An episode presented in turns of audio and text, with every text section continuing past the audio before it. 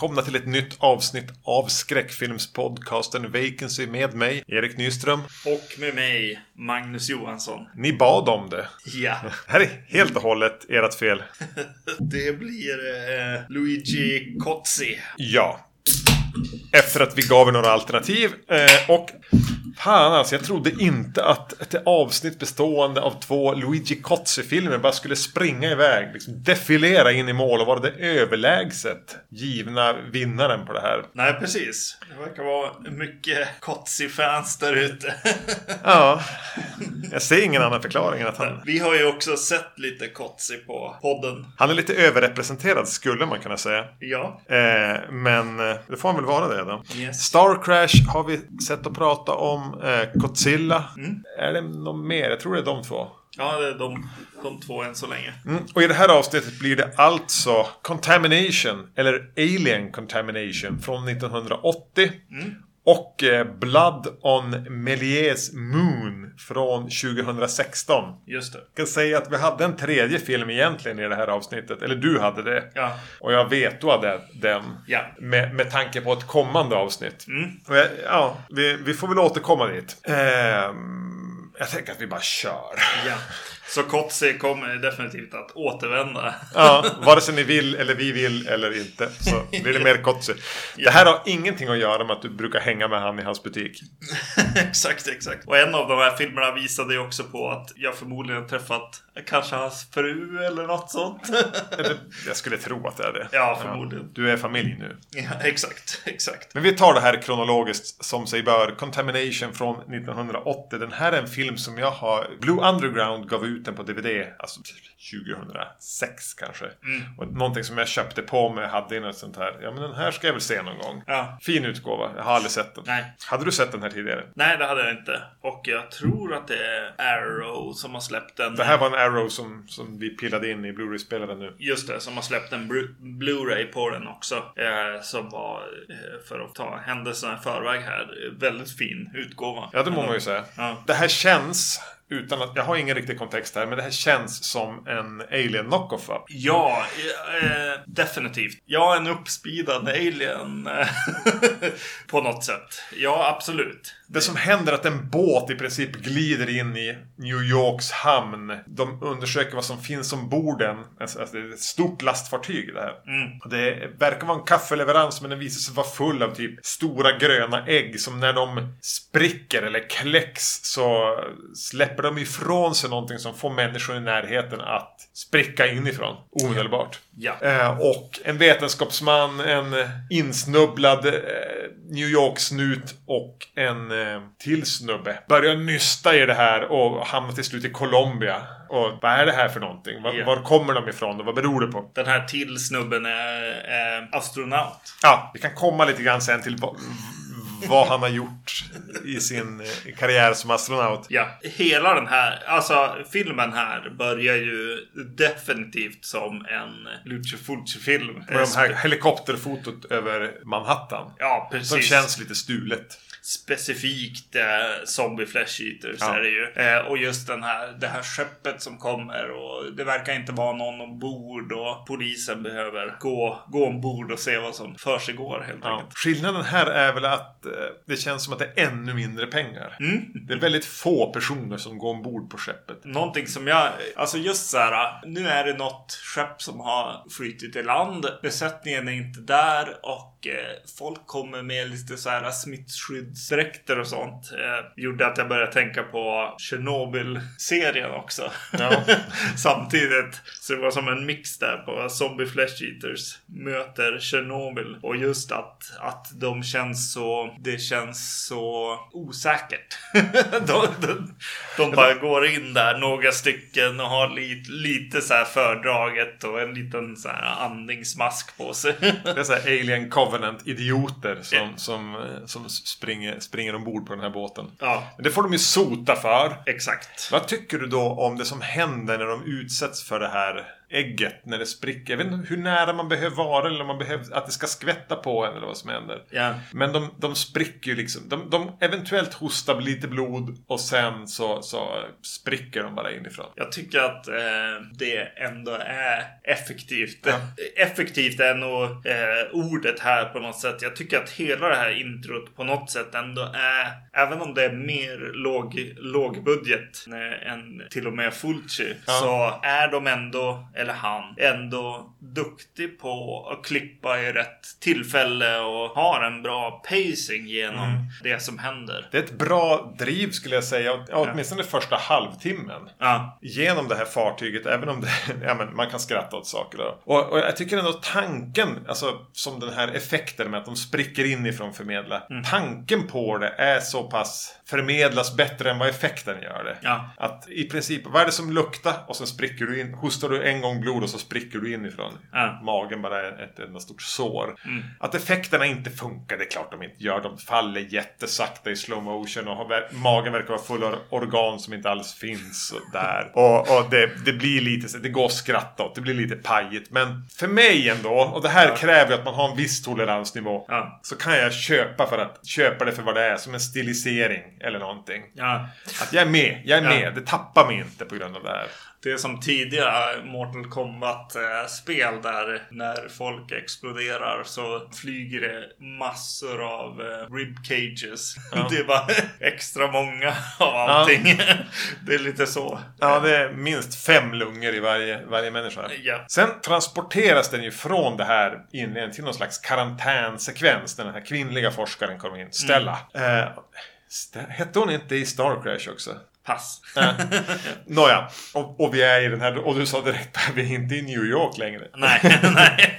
De har byggt upp någon sån här jätte jättebillig, som en mix mellan ett, mellan ett rymdskepp och en så government building. Ah. Med dörrar som, som går, öppnas väldigt, skjutdörrar som väldigt sakta. Mm. Som är grått och, och, svart och trekantigt. Och allvarliga forskare. Mm. Och den här stackars polisen som hade gått ombord här blir ju Kramer kallar vi honom för. Ja.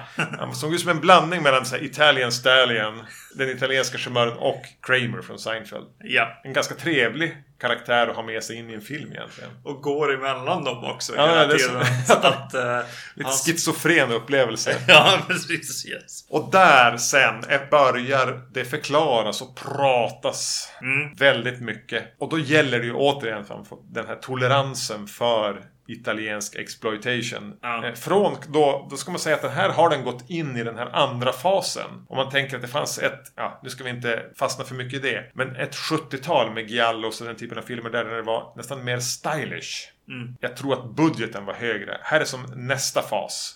Den här hör ju hemma i, tillsammans med, med Zombie Flesh Eaters. Mm. Eller New York Ripper. Eller mycket av Fulcis kanske mest kända filmer. Ja. Man känner igen många ansikten därifrån. Definitivt. Eh, och även lite den vibben.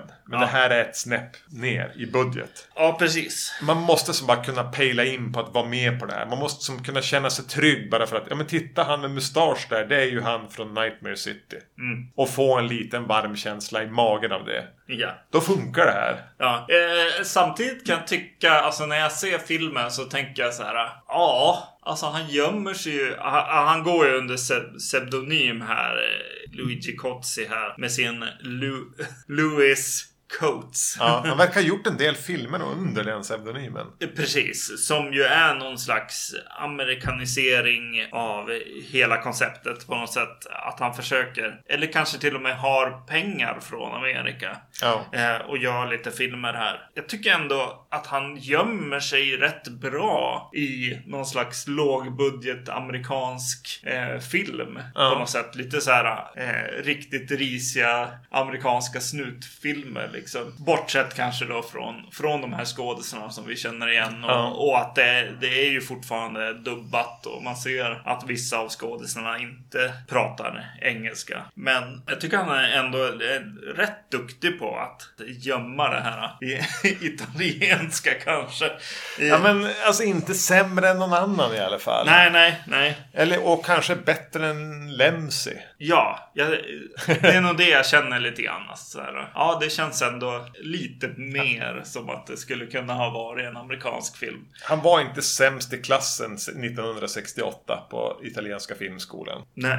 Nej. Mm. Och jag tycker att han kan klippa rätt bra. Kanske nästan där jag tycker att han klipper papper vid rätt tillfällen. Det kanske du sa tidigare också. Så han vet när han inte ska hänga kvar på något. Nej, jag tycker överlag att, att just den här filmen har väldigt bra liksom, pacing och klippning. Eh, men eh, särskilt tidigt. Sen som du sa, när den blir lite pratig så blir det... Den, den har lite för lite stoff liksom. de, och, och, det märks nästan att, att, att de inte får prata för fort. För då Nej, kommer exakt. de inte upp i 90 minuter. Nej. Och vi, jag tror det är vid typ halvtimmesträcket. Ja. Så det är då de, de bara förändrar allting. Mm. För då, då, presenterar de liksom lite bakgrund till var det är de här äggen kommer ifrån. När de börjar prata om den här. Ja, ja, men nu förstår jag. De här äggen kommer ju från Mars-expeditionen som de här två astronauterna gjorde. ja. Ja, va? ja, när...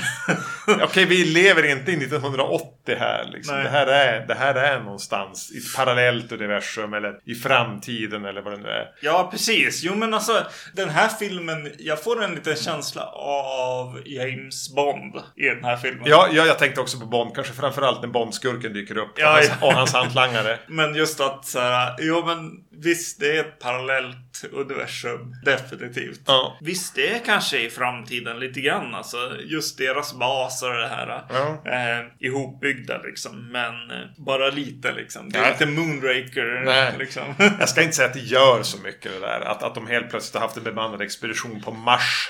Nej. Som verkar ha tagit med sig typ ägg tillbaka. Ja. Ur en grotta som såg rätt häftig ut va? Ja, ja det var coolt. Eh, absolut. Jag eh, försökte så här avgöra skalan på den grottan. Jag bara, hur stor är den här? Och så sen såg man de här gröna äggen som var i den här grottan. Och så till slut så började jag tänka så här, är det oliver som ligger där? ja. det är väl det de ser ut som mest. och någonstans där då, när de har, lyckas de ju resonera sig fram att vi måste hitta en av de här astronauterna ja. som faktiskt har förstått vad det handlar om. För den andra är ju död. Mm. Han dog ju. Och den andra blev tokig. Men vi hämtar han som är tokig alkis. Mm. Och det är han som är den tredje. Så vi har den här forskar, eh, forskargeniet Stella. Vi har Kramer, New York-snuten. Mm. Och så åker de och hämtar, vad heter han? Hamilton? Eller Hubbard Nej. de hämtar? Hub Hubbard heter ja. han. Mm. Kanske döpt efter L. Ron Hubbard. Ja, kan mm. vara så. Kan vara så. Eh, de åker och hämtar han där han sitter lite så klädsamt avsmullen efter att han verkar ha druckit Budweiser och mest ägnar sig åt att ställa ut ölburkarna i sin, i sin lägenhet. Så det ska se ut som att han är en alkis. Just det. Han är ju, det var han som var Ian McCulloch. Ja, precis. Som är Fulci, eller vad var det han var med i? Zombie-Do. Ja. Mm. Zombie Flesh Eaters är med ja. Mm, så man får ett till bekant ansikte. De tre ska, ja. ska rädda världen har de bestämt sig för. För de här äggen är ju livsfarliga om de verkligen fortsätter distribueras. Mm. Och de lyckas spåra det här vid här kaffe. Det skulle ju vara kaffe i den här leveransen men det visar sig vara Alien Egg. Så då tänker de kaffe Colombia. så... Eller något sånt. Så de åker till Colombia i alla fall. Ja. Och jag tror fan de gör det. Ja, det gör de nog. jag var så inställd på att men okej, vi hade de här stulna New York-shotsen. Mm. Och sen skulle vi vara typ utanför Rom resten av filmen. Nej, den här är ju lite globetrotting. ja. Film, absolut. Ja, men det är kul när de kommer dit också att... Eh, vem är det som är så glad när han kommer dit? Jo, men det är ju han, eh, eh snuten då. Mm. Det gillar jag verkligen i den, i, i den scenen. Att han kommer in och bara lite dansar med i någon parad som går. jag skulle säga så egentligen att han är halvt om halvt kidnappad med i det här. Ja.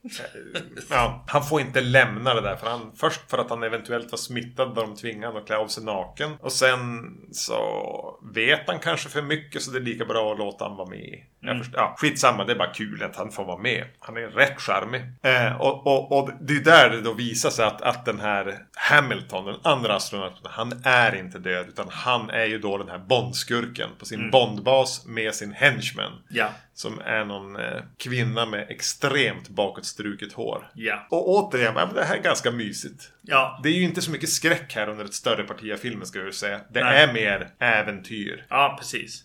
Jag tänkte ett tag att så här, men den här kunde ju bara handla om knark egentligen. Ja.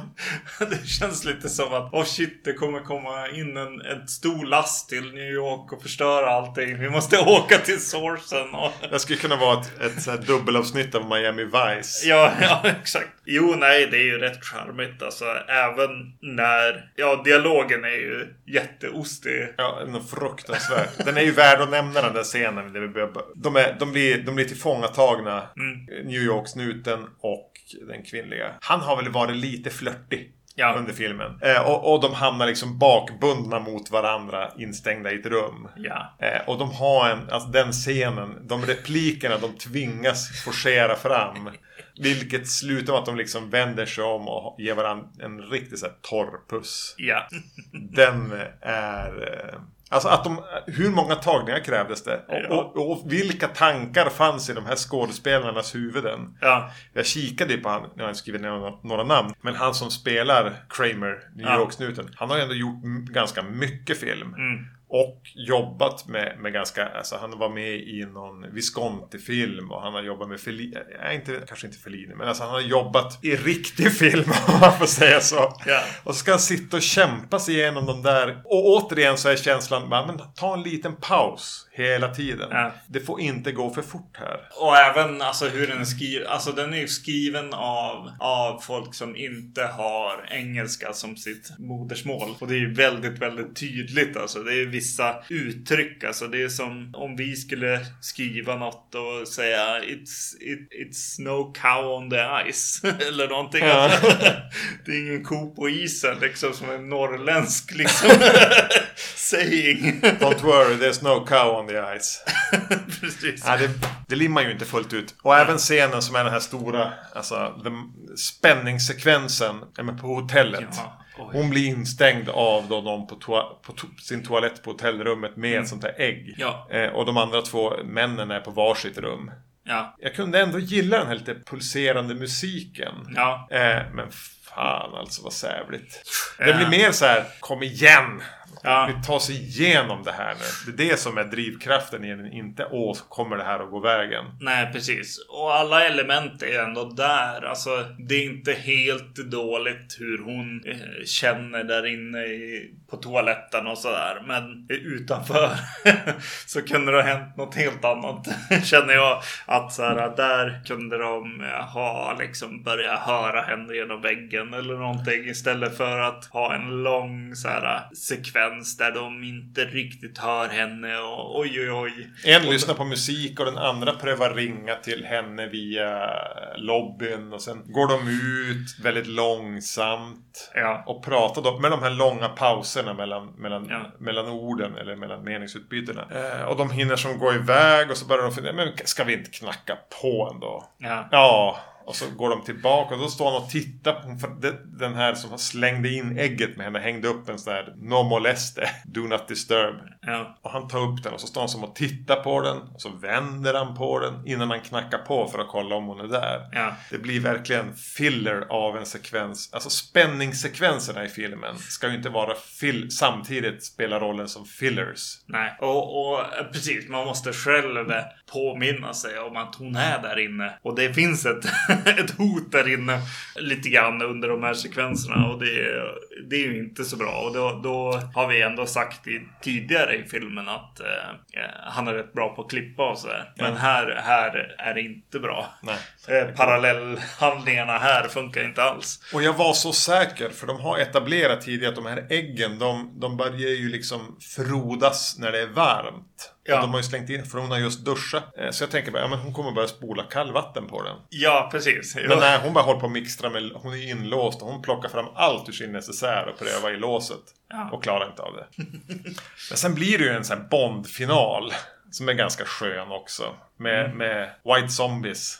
Som någon lo lokalbefolkning som ligger döende där i armarna på den här eh, Hubbard. Sa jag rätt nu? Jo. Ja. Säger eh, White, White Zombies.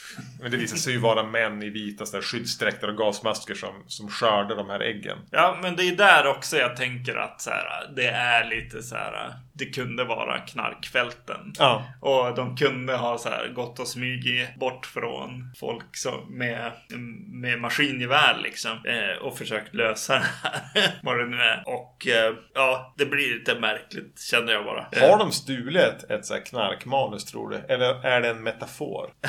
Ja, jag tänkte ett tag att så här, åh, det här kanske är en metafor för knark. Handeln liksom, Ja. eller knark i krig, kriget mot knark. Just eftersom man får en så stark känsla av att det här handlar ju om att riffa på att Alien kommer året innan. Ja, exakt. Undrar om det är så ens en gång, tänker jag nästan. Men ring Luigi och fråga. Ja, jo men det måste det ju vara. Men de har ju helt eh, skippat liksom ganska stora delar av det hela. Ja, ja, ja, vi gör det ganska enkelt. De har bara äggen och att man sprängs inifrån. Så att, eh, Jag tänker mig att man ville ha Alien i titeln. ja, jo. Som den har haft då och då. Alltså, Contamination är väl egentligen titeln den är mest känd igenom. Mm. Men Alien Contamination har jag också sett. Och det känns också samtidigt, alltså just med alla skådisar och sånt, att det är väldigt eh, Luigi Fulci-film det här. På något sätt. Just att, att skådisarna känns igen från, från Fulci-film. Och att den börjar som den gör. Och att den har en liten sting på slutet som eh, också påminner om Zombie Flesh Eaters. Man Ja. tänker att de springer runt där och, och filmar två, två filmer med, med sina crews där. Eh, Fulci och eh, Kotzi här. Var de också kompisar? Nej, det tror jag inte. Nej. Eh, det, det verkar vara väldigt olika läger där. Team Lucio och Team Dario. Ja, precis. Och Kotzi valde det andra. Ja, när vi ändå pratar om det så är det ju också eh, Goblin som Ja, gör jag musiken just, jag här. tänkte just komma dit. Det måste vi kanske prata om också. Det är lite, det är lite Goblin på en kafferast. Ja, det är det. Och det är Goblin som, som eh, försöker vara Fritzi här lite grann. Eh, känner jag i alla fall. Att de, de är lite för eh, syntiga och hår, eh, alltså, hårda så här. Det finns några... Eh, De får till det ibland. Ja, Det ibland blir det så här då vi som lite- satt båda två och trummade på låren när Ja. såg filmen. när det är lite så här funkigt eller liksom eh, som de brukar låta på något sätt. Ja. Men, eh, men det är lite för mycket eh, 80, 80-tal. Alltså det känns bara lite så här som B-sidesamling eller nästan något sånt där. Ja, precis. det, är, ju- det är lite the curse of Kotze. Kände jag nu. det är som han, han i allmänhet känns. Även om man, om när man tittar på IMDB och så kollar på Kotze så är det ju ändå, alltså han hänger ju med. Han är ju där och då. Det är inte så att han kommer i efterhand och Nej. gör saker utan han är ju med i eh, händelseförloppen. Trots att han- han är ju yngre än resten. Alltså han är ju Ja. ett par år yngre än Dario och Lamberto Bava och de här. Alltså Ja. fem, sex år yngre. Så han måste ju vara den här lillkillen som sprang efter. Men han gjorde ju någon giallo redan på 60-talet sa du. Ja, Alltså, 69. Eh, året innan Bird with the Crystal Plumage. Så han, han, han, han var ju med någonstans där. Och, så, och eh, under 80-talet var han ju också i allra högsta grad med och gjorde de här Hercules-filmerna med Lou Ferrigno. Var Lite sugen på. ja, jo. Och ja, men Godzilla gjorde han, gjorde han väl knappt. Men, Nej. men och även Star Crash. Star Crash och den här är ju de som känns mest så här amerikanska. Flyga över, över till Amerika och Ja. Göra filmer. Man börjar ju fundera lite grann på, är han en alltså, bra att ha att göra med kille? Han är bra på att snacka med producenter. Han, han har inte överdrivet mycket sån här, jo men jag måste få filma det här genom ett fönster och ner och in genom, alltså såna här artistiska drag. Utan han bra att ha att göra med, leverera sina filmer på budget, snäll kille. Ja, det känns ju så. Absolut. Ja. Yes. Och på tal om snäll liten farbror ska vi väl gå vidare då till Blood on Melies Moon från 2016. Ja. Vi, vi, vi diskuterade lite efteråt här om, om, den här var, om den här var släppt eller gjord när du, när du var och pratade med honom om våra Star Crash-avsnitt. Då hade den nog släppts, eh, kom vi fram till. Ja. Eh, eller kom jag fram till efterhand. Eh, jag köpte den tyvärr inte då, utan i nästa resa. Vilket som nu visar sig förmodligen var hans fru då. Ja. Om det är hon som spelar hans fru i filmen. Jag, eh, jag gissar det. Ja, det känns så. Ja. För, vad fan handlar den här om? Den handlar väl om parallella universum. Ja. Eh, om filmhistorien, vilket filmen antyder med Méliès, alltså den här resan då som kraschar med den här pistolkuleraketen i månens öga. Mm. Eh, alltså filmens skapelse och, och parallella universum. Och Luigi Cozzi spelar sig själv som mm. får meddelanden från någon som vill ha hans hjälp. Eller att det finns ett mysterium i en gammal bok. Och, ah, nej, det blir bara fånigt. Visst ja. känner du det? När man försöker bara... ja, alltså jag tänker ju att han, han tänker här att, att uh, filmen i sig är ett litet parallellt universum också till ja.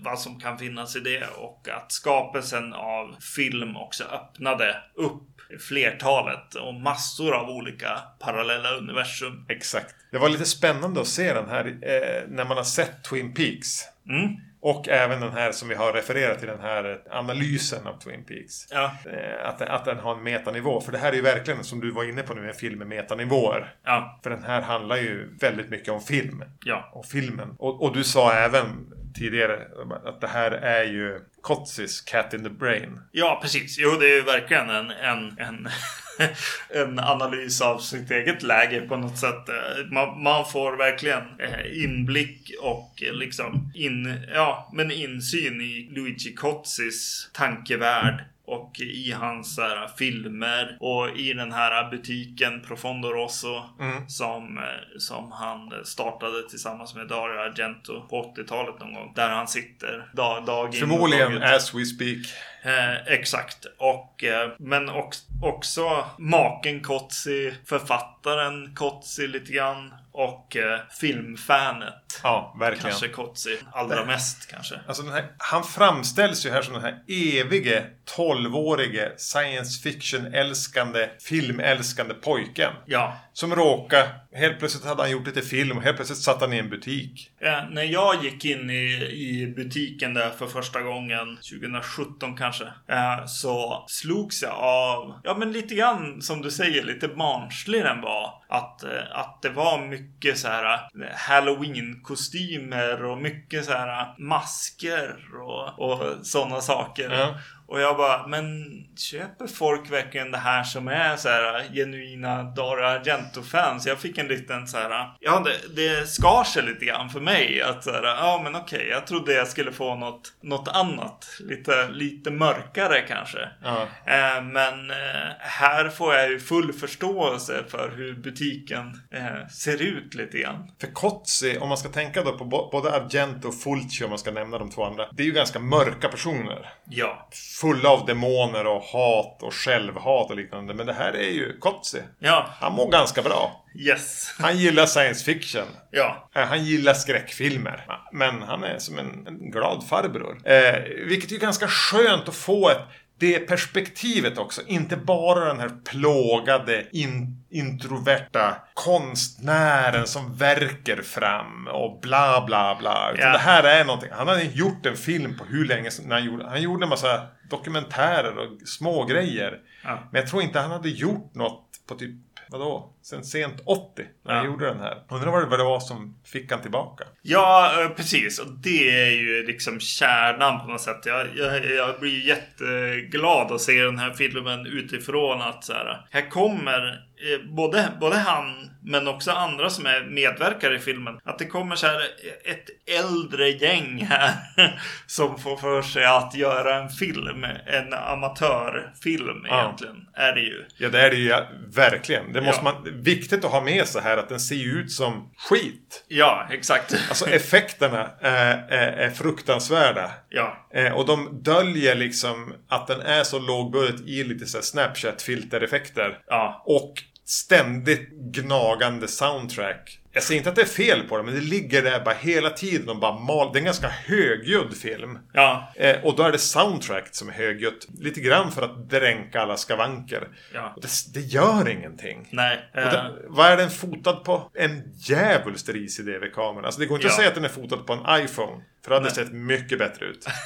ja, jo så är det. Men det är väldigt, väldigt charmigt att se de här äldre, både, både filmskaparna och eh, skådespelarna. Ja, liksom, som, kommer tillbaka. Men vilka, för vi, Kotsu spelar sig själv, han är ju huvudpersonen här. Och så är det no, några skådisar är ju med här. Mm. Hon kommer ju tillbaka någon från Suspiria. Hon spelar, vad sa du, Olga där. Olga, ja, är med i början. Men är det några andra som jag missade som är regissörer eller eh, producenter eller filmfolk. Det är La- Lamberto Bava Jaha. är med. Jo, han står ju och ropar på honom till och med. Ja, och Dario, Dario Argento Gud vad lite han var är med. med lite grann. Alltså otroligt lite. Ja, och eh, det har ju liksom snott från någon, något tillfälle där Dario kom till butiken.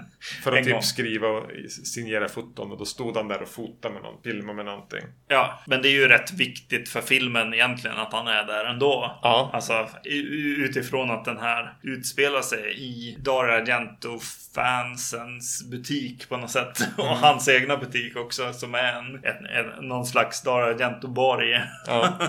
ja. Och, och, och den eh, lutar sig ju även ganska mycket tillbaka då, framförallt i början mot Mario Bava. Alltså det är mycket Barbara Steele och den här mördaren från eh, Blood and Black Lace är ju väldigt viktig under första eh, 20 minuterna. Precis, och den står ju inte i, i eh, Den är inte där nere. Nej, precis. Den är inte där nere i, i hans eh, lilla museum. Dora Argento-museum. Det är väl egentligen ett Kotzi och det är Argento-museum. Eh, för det är massa saker från Star Crash också. Ja, Du sa det när vi såg eh, Contamination. Ah, de där jävla äggen, de är fan där nere någonstans. Ja, precis. Jo, men eh, Bava-grejen var ju för, för filmen här. Ja, eh, men, då, ja, ja, men man kan säga här att det här, den är ju otroligt filterlös på det sättet att, att det här är ju Kotzi som driver med sig själv, eller är ärlig med sig själv, eller var han är just nu. Ja, Vi skrattade ju, mådde otroligt gott av den här dröm, mardrömmen, slash dröm, glada drömmen han har. Där han liksom ser framför sig, typ i princip en sån här YouTube-recensent, kallar han för Ita- Spaghetti Ed Wood.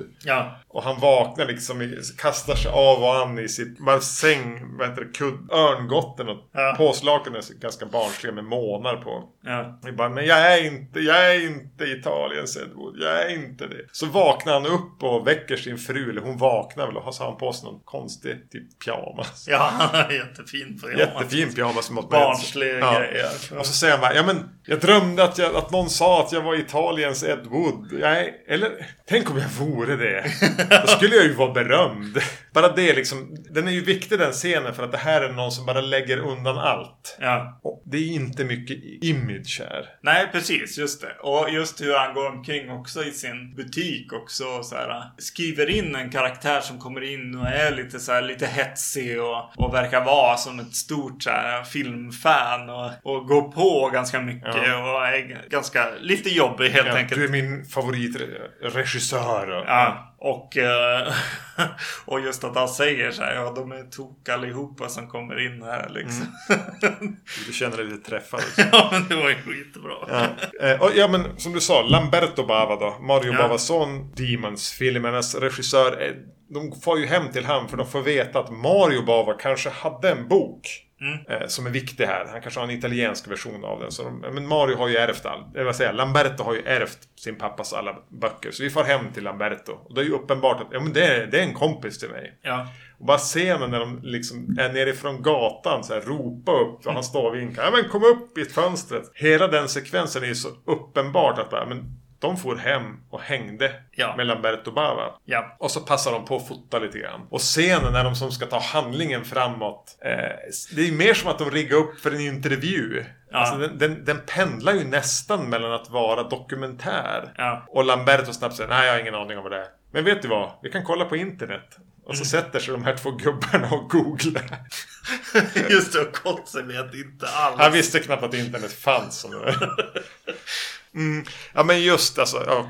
Ja, men har man koll på de här gubbarna, då är ju det här jätteroligt. Ja. Och, och bara att se, se dem äta middag ihop och tänka att så där, men det där gör de säkert ibland. Ja, ja det är väldigt eh, trevligt alltså. Och Kotze bjuder, sig, bjuder ju enormt på sig själv. Och eh, gör inget ont för sin image. Hos mig i alla fall. Nej. Utan jag gillar ju den här gubben. Jo, Eh, verkligen. mer och mer. Och eh, jag tycker att det är så trevligt att se hans relation till butiken också. För att min, min syn på det innan har varit en liten annan, lite cynisk. lite så här bara, det, han misslyckades med filmen liksom. Ja. Och så eh, sitter han där stackaren i butiken. Men, men det finns ju någonting där. Han gillar ju det han är omringad av. De här böckerna. Han gillar att skriva de här böckerna. Han gillar att gå omkring i museet. Ja. Eh, Men återigen, det här är ju den, den storögda 12-åriga pojken som lever en evig pojk trots att han är 70 när han gör den här. Närmare 70 när han gör den här. ja, Det är ganska fint. Och så kan man gå dit och köpa den här på så här själv, alltså egenprintad DVD liksom. Ja, Eh, jo. det är något väldigt, väldigt charmigt i det. Ja, man funderar ju hur många av den här är såld. såld. Ja, exakt. Hur många exempel? Du har en av dem. Ja. Ska vi se hur många som har röstat på IMDB? ja. På filmen. Jag tror den hade så här 5,9. En annan, eh, alltså en annan regissör som jag började faktiskt tänka på när jag såg den här filmen var eh, Francis Ford Coppola som har pratat i intervjuer och sånt att så här, jag är fan less. Jag, alltså, jag tänker inte göra någon jävla Hollywood-grej igen. Utan ska det vara så ska det vara väldigt, väldigt independent. Ja. Bara, bara jag betalar. Och så gjorde han vad heter den? Twixt. Ja. Som ju inte är bra, men den blir ju liksom... ja, jag har inte sett den. Det blir ju något charmigt med att så gå in och bara Ja men jag vill ju göra en film ändå. att bara göra den liksom. Här blir ju ännu charmigare såklart. Utifrån att han tar upp en DV-kamera och, och liksom bara Jobba filmar. utifrån butiken där han står på dagarna. Ja, exakt. Eh, gissa. Det- Den har 5,9 i snitt på IMDB. Men hur många har röstat? Eh, eh, 38. Du har sett va? Nej. För det var exakt 38. Fan vad du... Wow. Wow. wow. Du och Kotzi så jävla synkade. Yes. Men så eh, när jag röstar sen så kommer jag ju ge den ett högre betyg än 5,9. Och då Ja. kommer ju det eh, att registrera. yes. Det, det vi även noterade är att den här är gjord under en lång tid. Mm. Och någonting verkar ha hänt med Kotze under tiden som fick mig, alltså är fortfarande så genuint bekymrad. Ja. För när filmen startar så är han betydligt eh, fylligare. Mm. Utan att för den skulle vara fet. Men, och han säger det i filmen, just när han måste åka till Paris i filmen. så, Ja, men är jag verkligen så här eh, i skick att göra ett sånt här? Jag har just gått ner 10 kilo. Ja. Det är som att det är en annan farbror Ja. halvvägs in någonstans. Ja. Så han måste ju ha varit sjuk också. Eller precis. bara liksom lagt om sina levnadsvanor. Men eftersom han kommenterar det i filmen som att jag är inte i bästa skick. Nej, och under, under just den... Det är nästan som att han blir lite bättre skick också i, mot slutet. Men ja, när jag träffade han hade han ju i alla fall en ölmage Ja, lite känns grann, bra. Så, han mådde då bättre då, I guess. Om Eller man, om man inte hade gått på någon riktig sån här hård diet eller någonting. Ja. Men det kanske inte. Nej men han har ju eh, gjort en film efter den här också. Mm. Nej, kul att se. Alltså, alltså det är ju... Alltså det här är ju, det här är ju smalt. Ja, Det här är så väldigt. satans jävla smalt. Det krävs att man har sett lite Kotze-filmer. Ja, Man ska ha sett allt som Argent har gjort. Man ska ha sett lite Fulci också. Man ska vara full införstådd på italiensk genrefilm från 80 och framåt. ja. Eh, och eh, man ska som kunna köpa då att, den, att det här inte har något cineastiskt värde, liksom estetiskt, utan bara hamna i, i tycka om den här jävla sorglösa farbrorn som gillar sci-fi Ja, och film. ja. Och sitta i sin butik. En annan jättecharmig scen är ju när hans eh, fru sitter och spelar Candy Crush. Ja. Och, han, och han kommer in i köket och hoppar in i värsta stora kostymen. Han har på sig någon sån här billig så djävulsdräkt eller vad det är. Just det, med, med verkligen så här fluffy liksom armar och, och så. och vill, vill vara lite kul. Ja. och hon bara, men alltså lägg av. Jag, håller, Jag spelar Candy Crush. Ja. jag spelar Candy Crush. Kom igen Luigi. Eh, och eh, ja, det är jättecharmigt. Verkligen. Det verkligen så gubb-crush från våran sida. Ja, det blev ju det.